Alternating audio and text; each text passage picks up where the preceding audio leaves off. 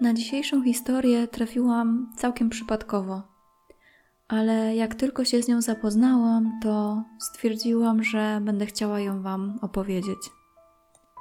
Być może część z Was ją pamięta. Wszystko wydarzyło się 13 lat temu, w 2007 roku. Szczerze mówiąc, ja jakoś nie przypominam sobie, żebym gdzieś o tym słyszała, ale jak zaczęłam szukać materiałów, to okazało się, że bardzo wiele mediów nagłaśniało wtedy to, co się wydarzyło. Mam jakieś takie dziwne odczucia po zapoznaniu się ze sprawą, że wszystko w niej jest bardzo takie skondensowane. Sama strzelanina trwała zaledwie kilka godzin. Sprawa zaczęła się w 2008 roku. W 2010 roku była już po pierwszej i drugiej apelacji, a także po odwołaniu do Sądu Najwyższego. I po tym czasie ucichła. Już niewiele się o niej słyszało. Poza tym takie rzeczy nie zdarzają się w Polsce. To była moja pierwsza myśl. Takie rzeczy zdarzają się w innych krajach albo w firmach. Nie tutaj, nie u nas. Odkąd w Polsce została powołana policja, nigdy wcześniej ani później żaden policjant na służbie nie stracił życia w więzieniu. Jest to jedyny taki przypadek, jaki miał miejsce w naszym kraju.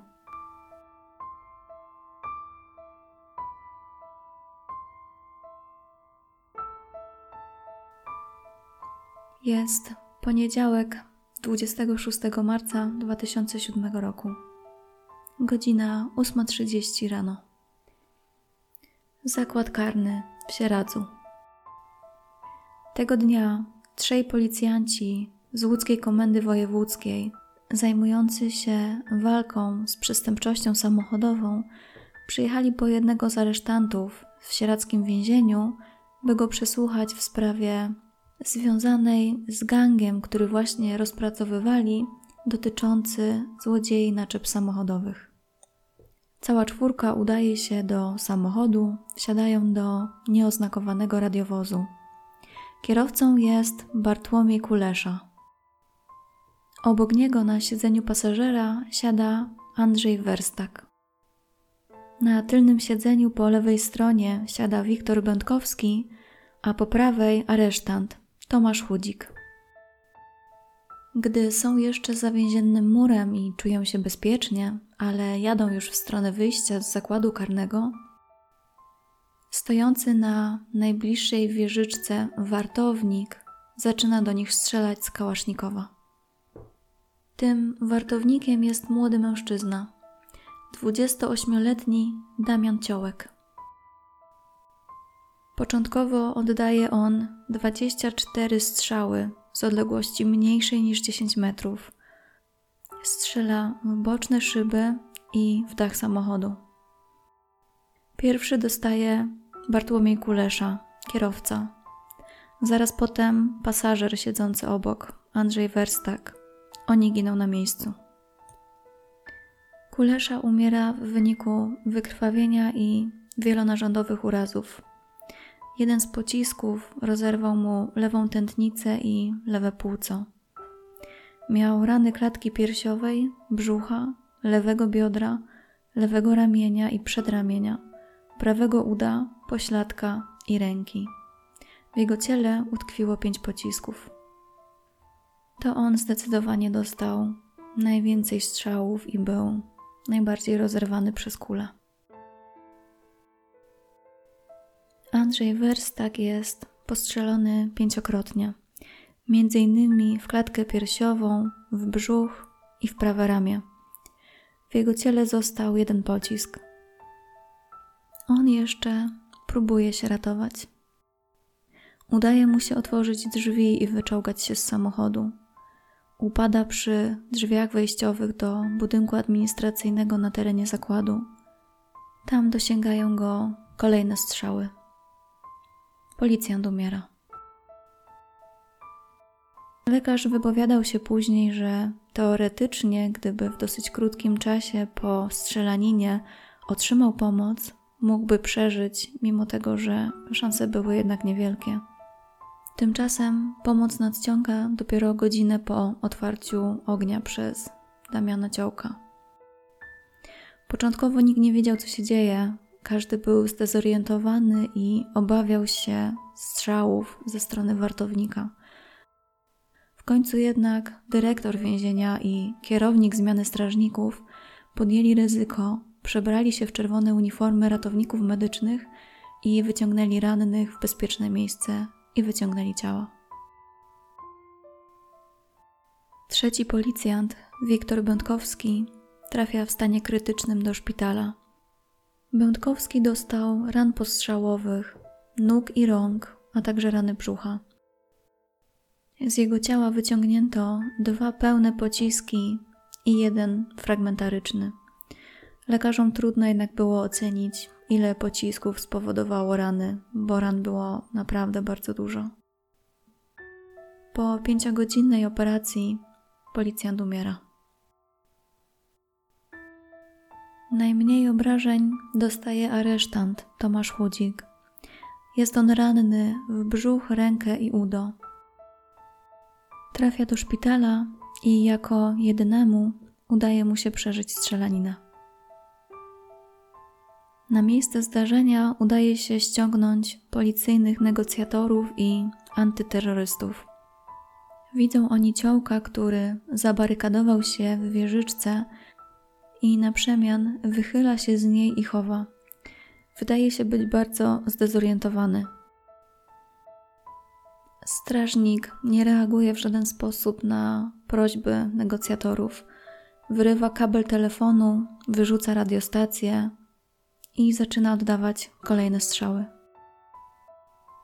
Początkowo oddaje dwa razy po jednym strzale w kierunku okien w budynku administracyjnym, gdzie na półpiętrze i na pierwszym piętrze znajdują się negocjatorzy i antyterroryści. Podejmowane są kolejne próby negocjacji z ciołkiem. Nawołują go, żeby się poddał, a ciołek odpowiada, że nie podda się, bo go zastrzelą. Ewidentnie mężczyzna boi się o swoje życie i ponownie chowa się do włazu wewnątrz wieży strażniczej. Strażnik, oddając strzały, chowa się już cały. Nie podnosi się w ogóle, tylko unosi rękę, żeby móc oddać strzał. Są one już trochę oddawane na ślepo. W końcu policjanci decydują się, żeby odpowiedzieć ogniem.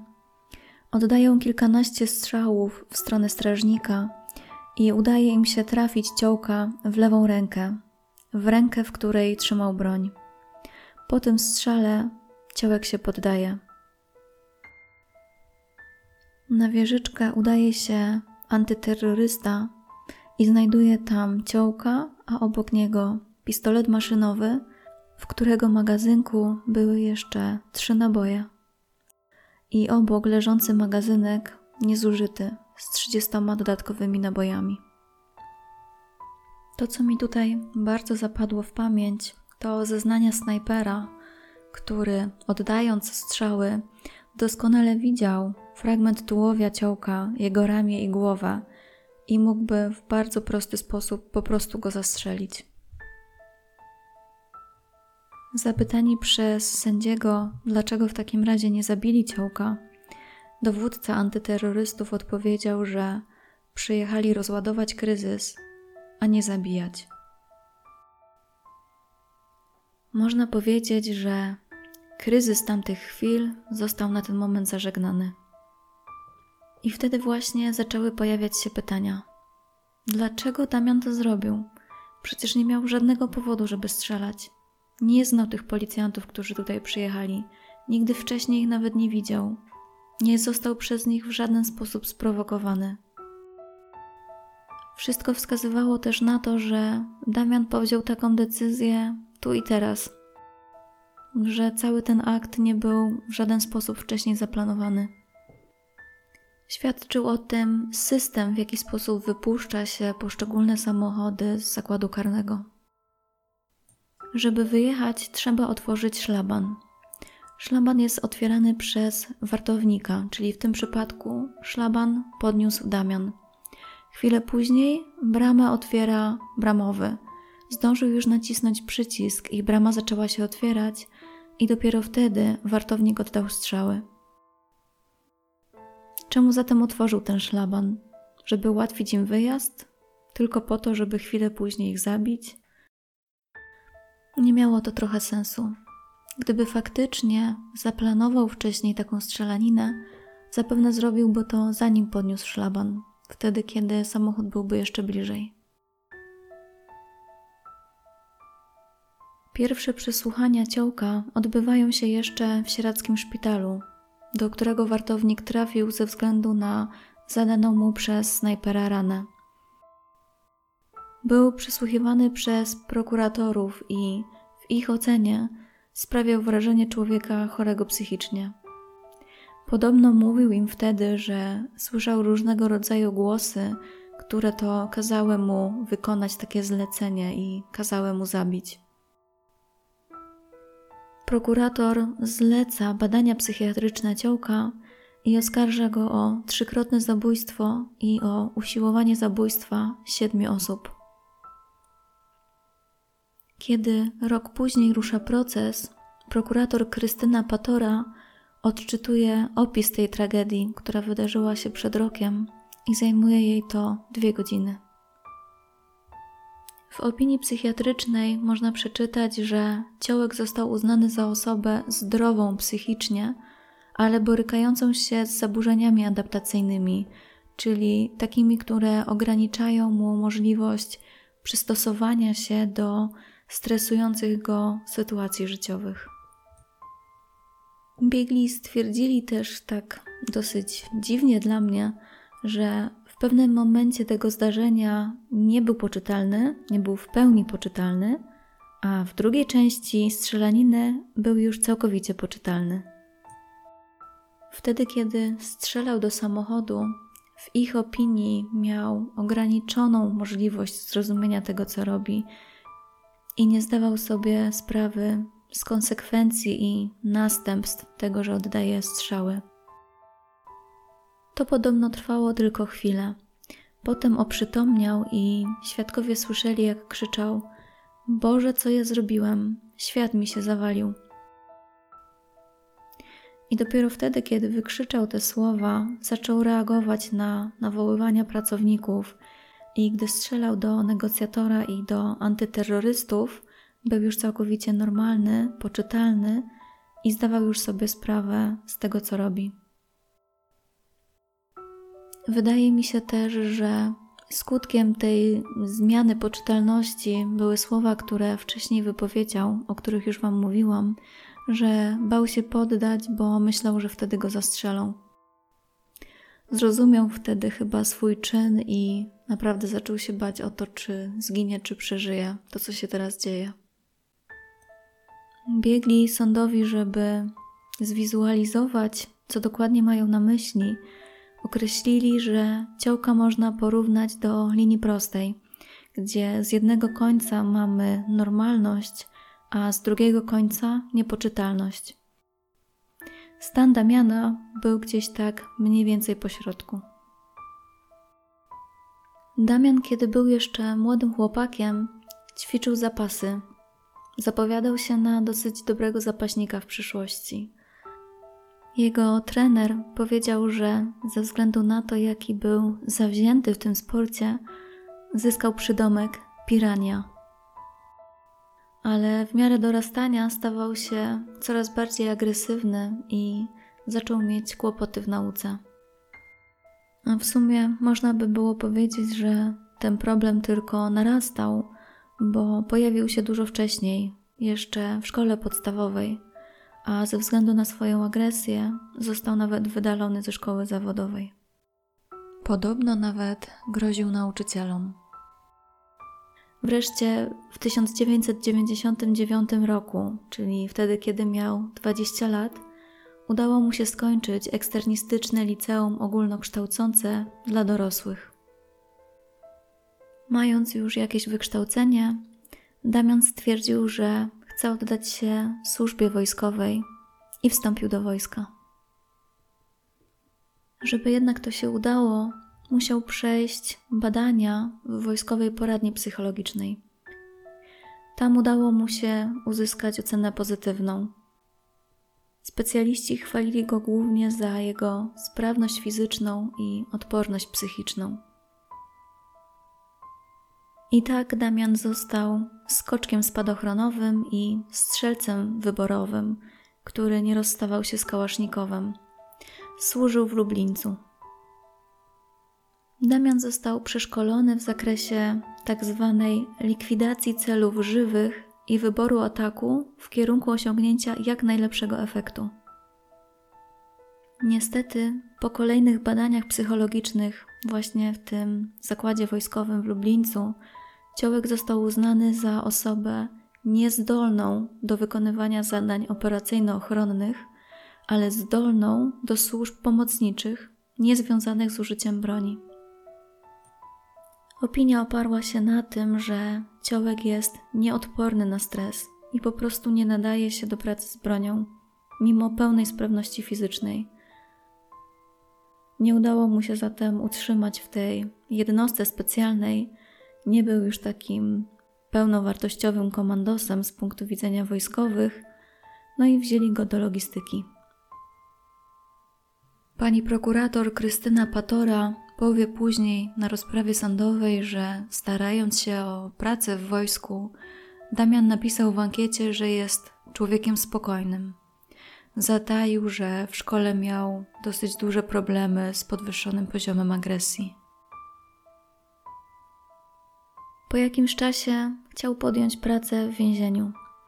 Kiedy złożył wniosek o przyjęcie do pracy w zakładzie karnym, też musiał przejść badania psychologiczne. Te odbyły się w szpitalu MSWiA. Opinia psychologiczna z tego badania brzmiała, że ciołek ma słabą odporność na stres, ale jest zdolny do pełnienia służby. W czasie rozprawy sądowej padły takie zdania z ust sędziego. Nie nadawał się do niczego. Świadkowie mówili, że czego nie dotknie, to spieprzy. Nawet przy wydawaniu paczek nie dawał sobie rady, bo to było zbyt skomplikowane. Więc dali mu karabin i kazali iść na wieżyczkę. W życiu rodzinnym Damiana też mu się wcale nie układało. Nie był szczęśliwy w małżeństwie, podejrzewał żonę o zdradę. Podobno się nad nią znęcał, uszkodził jej samochód i groził kiedyś, że ją zabije. Swoim kilkuletnim synom podobno wpajał taki kult siły. Kupował im gry, w których krew lała się strumieniami, takie bardzo brutalne. Zakładał bokserskie rękawice i zmuszał, żeby walczyli ze sobą. Ale podobno najbardziej Damian zaczął zmieniać się mniej więcej rok przed strzelaniną. Zeznania jego rodziny i jego znajomych są tutaj ze sobą spójne. Zaczął mówić, że czuje się obserwowany. Unikał ludzi, stał się bardzo religijny i jeszcze bardziej zamknął się w sobie. Zaczął mówić do ludzi bardzo dziwne rzeczy. Jedną osobę nazwał czarownicą, do brata mówił, że ten będzie smażył się w piekle.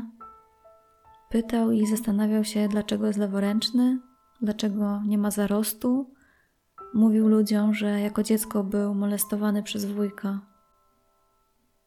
Jego brat wspomina, że Damian wyglądał jakby go coś opętało albo jakby zażywał narkotyki. Podobno mówił dziwnym głosem, jakoś tak nienaturalnie przeciągał wyrazy Przewracał oczami i miał dziwnie wykrzywione usta. Bliscy naprawdę zaczęli się niepokoić, co dzieje się z Damianem. To wszystko tylko bardziej się nasilało. Na trzy tygodnie przed strzelaniną Damian bardzo pokłócił się z żoną. Kłótnia była na tyle ostra, że doszło do rękoczynów i musiała interweniować policja. Wtedy między małżeństwem był już taki kryzys, że Damian z powrotem zamieszkał z rodzicami. Wyprowadził się od żony. Damian jeszcze bardziej zamknął się wtedy w sobie i stał się bardziej małomówny. Zamykał się w pokoju, cały czas modlił się z książeczką do nabożeństwa, chodził co niedzielę, a nawet czasami w tygodniu do kościoła, a wcześniej, jak zeznaje jego rodzina i bliscy, wcale nie był jakoś szczególnie religijny. Zdarzało mu się na tyle mocno przeżywać modlitwę, że płakał tak głośno, że z drugiego pokoju słyszała go matka. Jego zachowania stawały się jeszcze bardziej dziwne. Wybuchał jakimś dziwnym, takim opętanym śmiechem w czasie oglądania jakichś poważnych filmów. Słyszał jakieś kroki. Mówił, że chodzi ktoś po domu, mimo że był sam na przykład tylko z matką. Podczas przesłuchań Ciołek powiedział, że właśnie tuż przed rozpoczęciem strzelania słyszał głosy i że jakaś siła, moc kazała mu to zrobić, że weszła w niego jasność. Matka też wielokrotnie prosiła go, że widzi, że z nim się coś dzieje i żeby poszedł do lekarza. Prosiła go też, żeby powiedział w pracy, że ma kłopoty z rodziną, że ma kłopoty z żoną i żeby zabrali mu broń. Matka ewidentnie przeczuwała, że może dojść do jakiejś tragedii. Służba więzienna natomiast utrzymywała cały czas, że Ciołek nie informował swoich przełożonych o kłopotach rodzinnych i nie było to dla nich wcale oczywiste. Wydarzeniem, które chyba najbardziej przyczyniło się w myślach Ciołka do zorganizowania tej strzelaniny, taki moment, w którym wszystko się przelało i przelała się czara goryczy, to był piątek przed tragedią. Tutaj przypomnę tylko, że strzelanina miała miejsce w poniedziałek. Wtedy to Damian dowiedział się, że jego żona złożyła pozew o rozwód. Prokuratura zarzuciła Damianowi, że ten działał ze szczególnym okrucieństwem i że jego motywacja zasługuje na szczególne potępienie. W ocenie prokuratury to szczególne okrucieństwo przejawiało się w tym, że oskarżony nie pozwolił na udzielenie ofiarom pomocy. W efekcie domaga się ona dla Damiana kary dożywotniego więzienia z zastrzeżeniem, że dopiero po 45 latach mógłby się ubiegać o przedterminowe zwolnienie. W swoim ostatnim słowie Działek nie przyznał się do winy. Mówi, że nie pamięta strzałów. Wie, że otworzył ogień w samochód, ale nie wie dlaczego. Mówi, że nie wie, co się z nim stało. Przyszła do niego jakaś moc. Odmówił składania wyjaśnień i powołał się przed sądem na to, że składał je już w prokuraturze.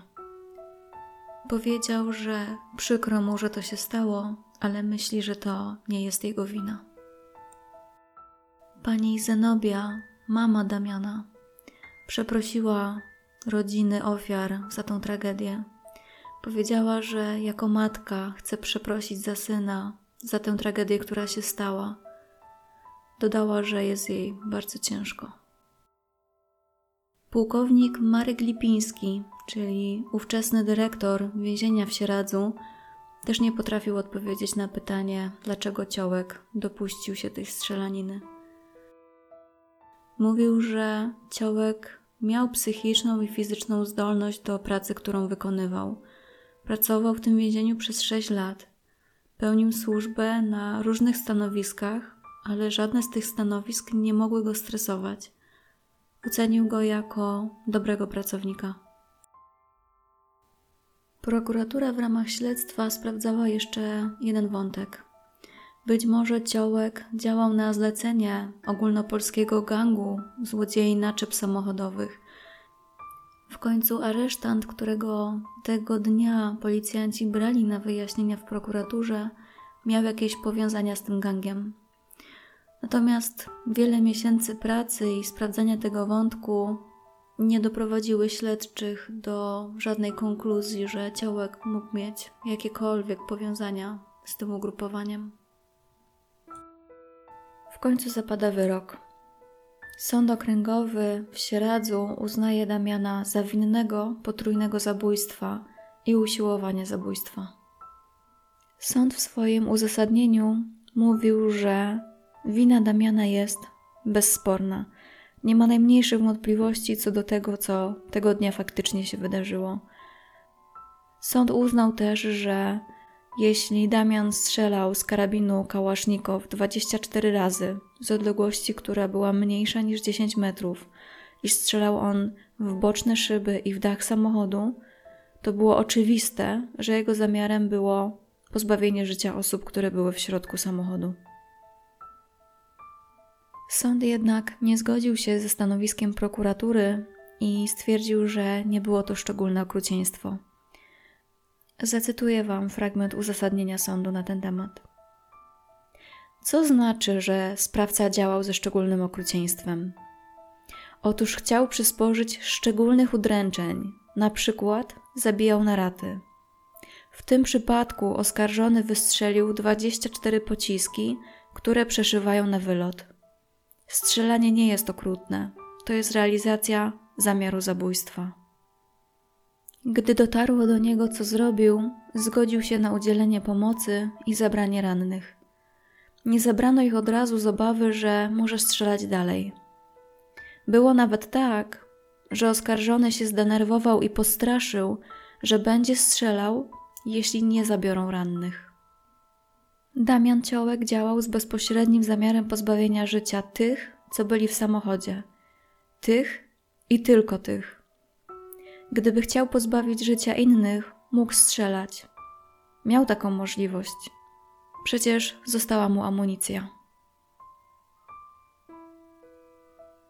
I właśnie bazując na tymże wyjaśnieniu, sąd, jeśli chodzi o usiłowanie zabójstwa negocjatora i antyterrorystów, stwierdził, że trzeba zmienić charakter tego czynu i Ciołek został uznany za winnego narażenia na bezpośrednie niebezpieczeństwo utraty życia albo ciężkiego uszczerbku na zdrowiu oraz napaść na funkcjonariusza. Za ten czyn dostał dodatkowo 5 lat pozbawienia wolności. Uzasadnienie sądu dotyczące wyroku na ciołku jest bardzo długie. Sąd stara się trochę uzasadnić działanie sprawcy. Stwierdził, że według opinii psychologów człowiek ten był mało odporny na stres, a żył w ciągłym stresie. I w związku z taką potrzebą rozładowania tego stresu, wyładował się na zewnątrz i spowodował strzelanie do ludzi. Sąd nawet stwierdził w takich dosyć kolokwialnych słowach, że ciołek, gdyby odreagowywał do wewnątrz, to strzeliłby sobie w łeb. W efekcie końcowym ten wyrok w sądzie pierwszej instancji brzmiał dożywocie z możliwością ubiegania się o przedterminowe zwolnienie po 25 latach czyli 20 lat wcześniej niż domagała się tego prokuratura. Dodatkowo Ciołek na rzecz Fundacji Pomocy Wdowom i Sierotom po poległych policjantach miał zapłacić 50 tysięcy nawiązki. Wdowy po zamordowanych bardzo ucieszyły się z takiego wyroku, jednak w momencie, kiedy sąd zaczął czytać uzasadnienie, wyszły z sali stwierdziły, że to jest niedopuszczalne, że sąd tak wybiela i uzasadnia to, co zrobił Ciołek. Powiedziały, że trochę poczuły się, jakby to właśnie Ciołek był poszkodowanym, a nie ich zmarli mężowie. Z takim wyrokiem nie zgadza się obrońca. I tylko ta strona, czyli tylko obrońca, składa apelację zarzucił sądowi pierwszej instancji, że nie uwzględnił on przede wszystkim tego, że Ciołek działał w warunkach ograniczonej poczytalności. W ocenie obrońcy Ciołek strzelał do samochodu, a więc w zamiarze ewentualnym pozbawienia życia, a nie z zamiarem bezpośrednim. No i wnosił przez to o złagodzenie Ciołkowi kary od 8 do 15 lat pozbawienia wolności. Prokuratura oczywiście nie zgodziła się z takim uzasadnieniem i domagała się w całości oddalenia apelacji i utrzymania poprzedniego wyroku w mocy. Przede wszystkim prokurator podkreślał, że jest to niewyobrażalna tragedia i że takiej tragedii w historii polskiej kryminalistyki jeszcze nie było. Stwierdził, że proponowana przez obrońcę kara byłaby niewspółmierna, niewspółmiernie niska do winy oskarżonego. W sądzie apelacyjnym sędzią, która rozpatruje tę apelację, jest pani Maria Wiatr. Zgadza się ona w zupełności ze stanowiskiem prokuratury i podtrzymuje wyrok sądu pierwszej instancji. Apelacja zostaje w całości uznana za niezasadną. Obrona jednak nadal się nie poddawała. Złożyła ona kasację do Sądu Najwyższego. Sąd Najwyższy rozpatrywał kasację w 2010 roku. Był to pięcioosobowy skład, który stwierdził, że sąd apelacyjny w Łodzi nie dopuścił się żadnego rażącego naruszenia przepisów, a kasacja innymi powielała twierdzenia z apelacji, co jest praktycznie niedopuszczalne. W związku z tym zapada decyzja, że kasacja jest oczywiście bezzasadna. W swoim uzasadnieniu Sąd Najwyższy mówił, że ciołek był jedynie 7 metrów od ofiar, że miał ukończone szkolenia dla strzelców wyborowych i posiadał broń o ogromnej sile rażenia.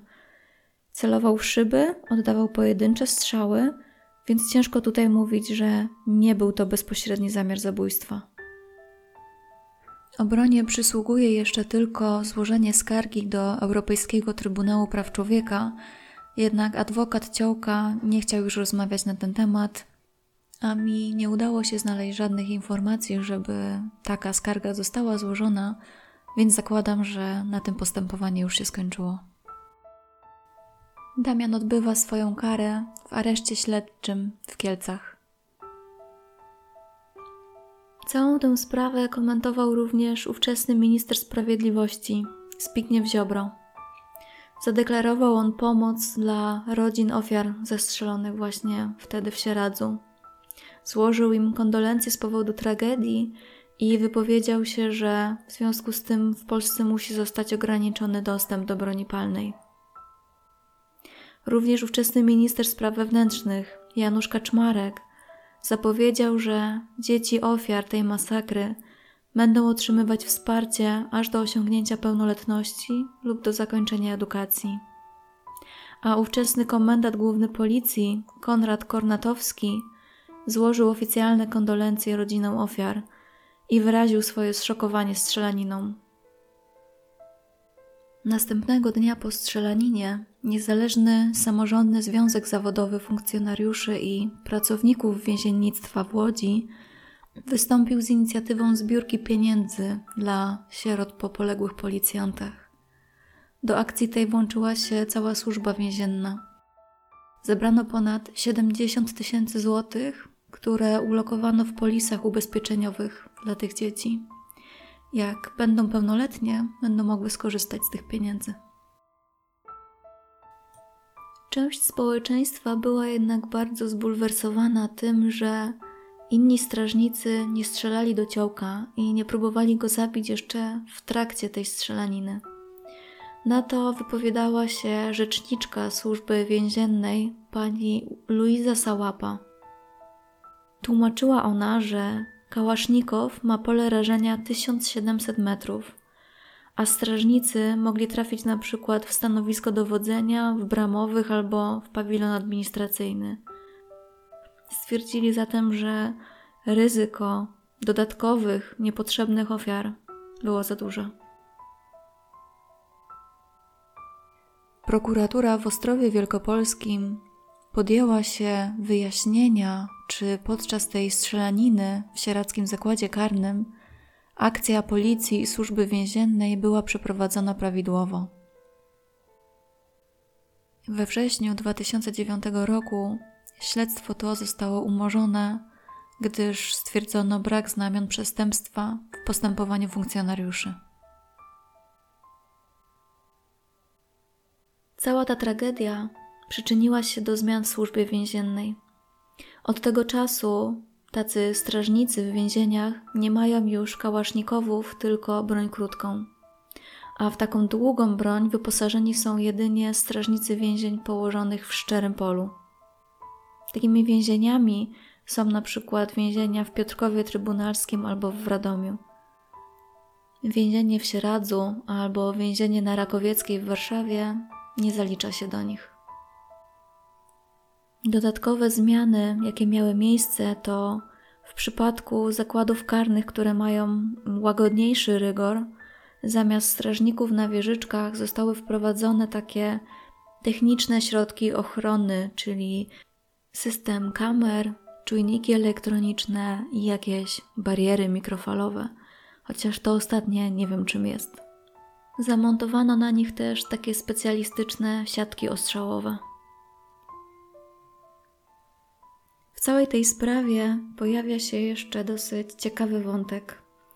W związku z tym, że wszyscy zastanawiali się, co mogło kierować ciołkiem do dokonania tej strasznej zbrodni, i że wszyscy myśleli, że no to, czego się dokonał, to było irracjonalne, to jeden z łódzkich księży, egzorcysta, stwierdził, że intrygują go te głosy, które rzekomo słyszał Damian i przypuszczał, że może być opętany przez diabła. Zgłosił nawet, że chce odprawić egzorcyzmy w celi aresztu śledczego na Damianie.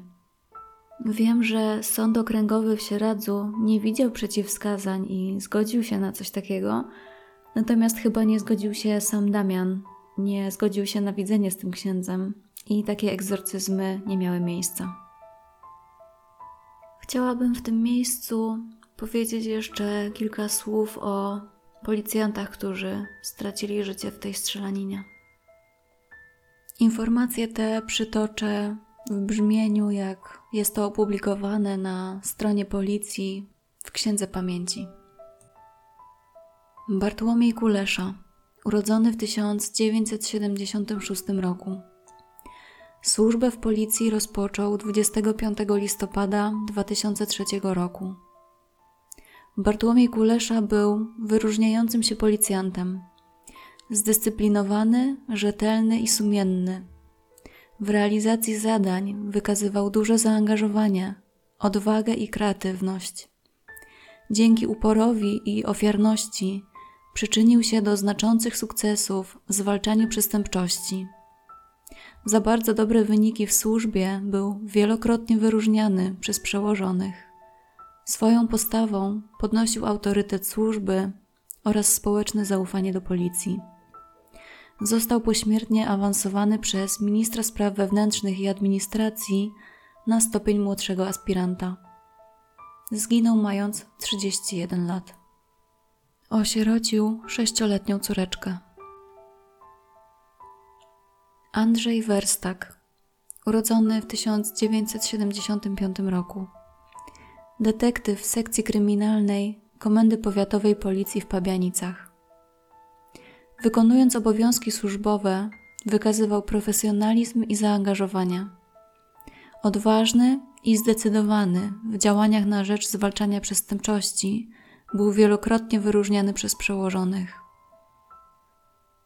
Został pośmiertnie awansowany przez ministra spraw wewnętrznych i administracji na stopień aspiranta.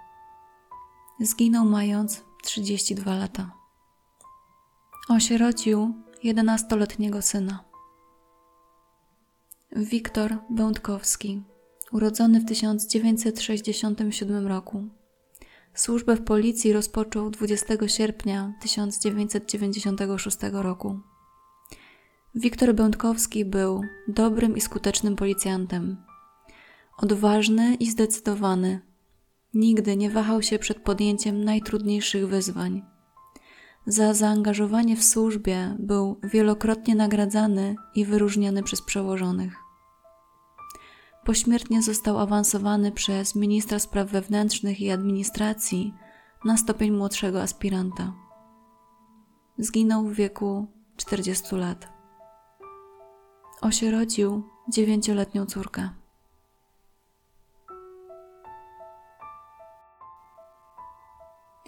W całej tej historii widzę tak naprawdę pięć tragedii.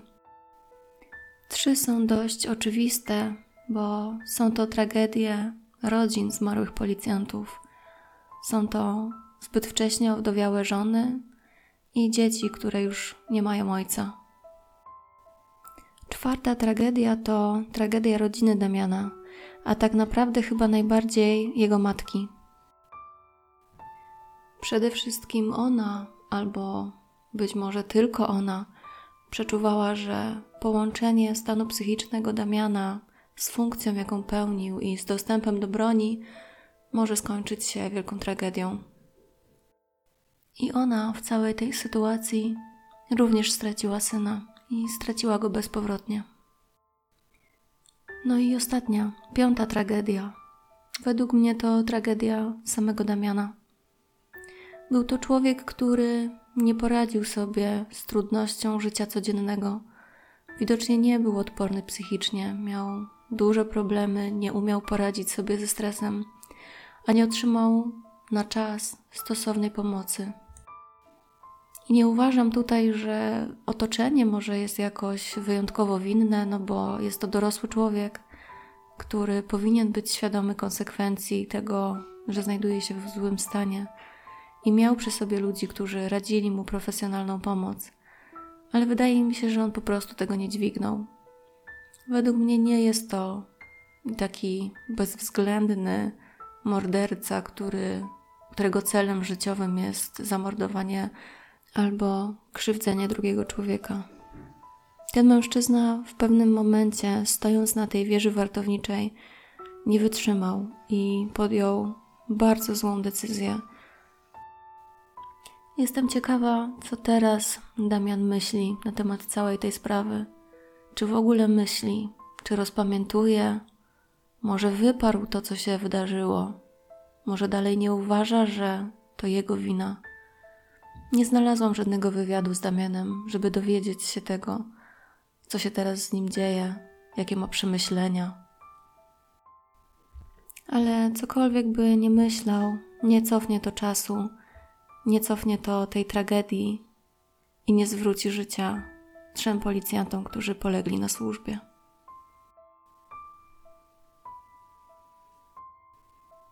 Dziękuję Wam, że wysłuchaliście kolejnego odcinka.